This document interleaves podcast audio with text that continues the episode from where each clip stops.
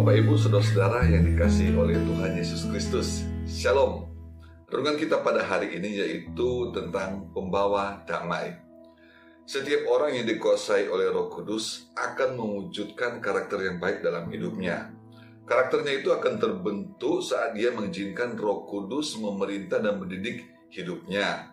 Nah, ini didasari atas ketaatan dan ketekunannya mengiring Roh Kudus di dalam Tuhan Yesus Kristus. Di saat dia mulai eh, sejak saat dia menerima Tuhan Yesus sebagai Tuhan dan juru selamatnya pribadi secara sungguh-sungguh.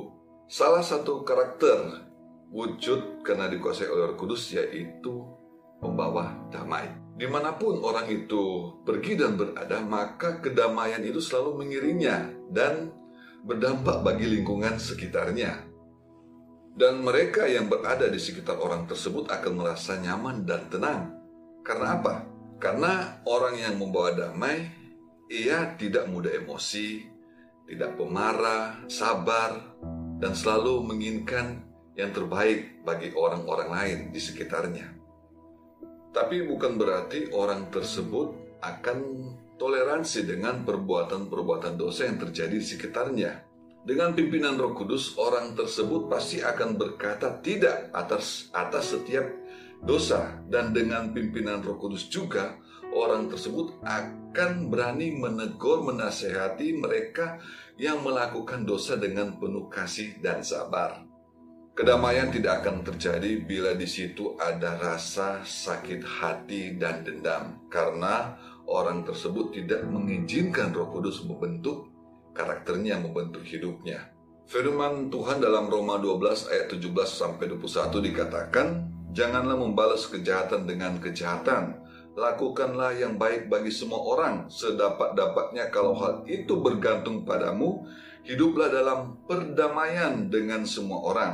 Saudara-saudaraku yang kekasih, janganlah kamu sendiri menuntut pembalasan, tetapi berilah tempat kepada murka Allah sebab ada tertulis, pembalasan itu adalah hakku, akulah yang menuntut pembalasan firman Tuhan. Tetapi jika seterumu lapar, berilah dia makan, jika ia haus, berilah dia minum. Dengan berbuat demikian, kamu menumpukan bara api di atas kepalanya. Janganlah kamu kalah terhadap kejahatan, tetapi kalahkanlah kejahatan dengan kebaikan.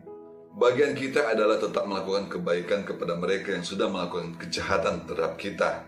Urusan selanjutnya adalah urusan Tuhan. Kita harus menjaga ada tetap rasa damai dalam kehidupan kita.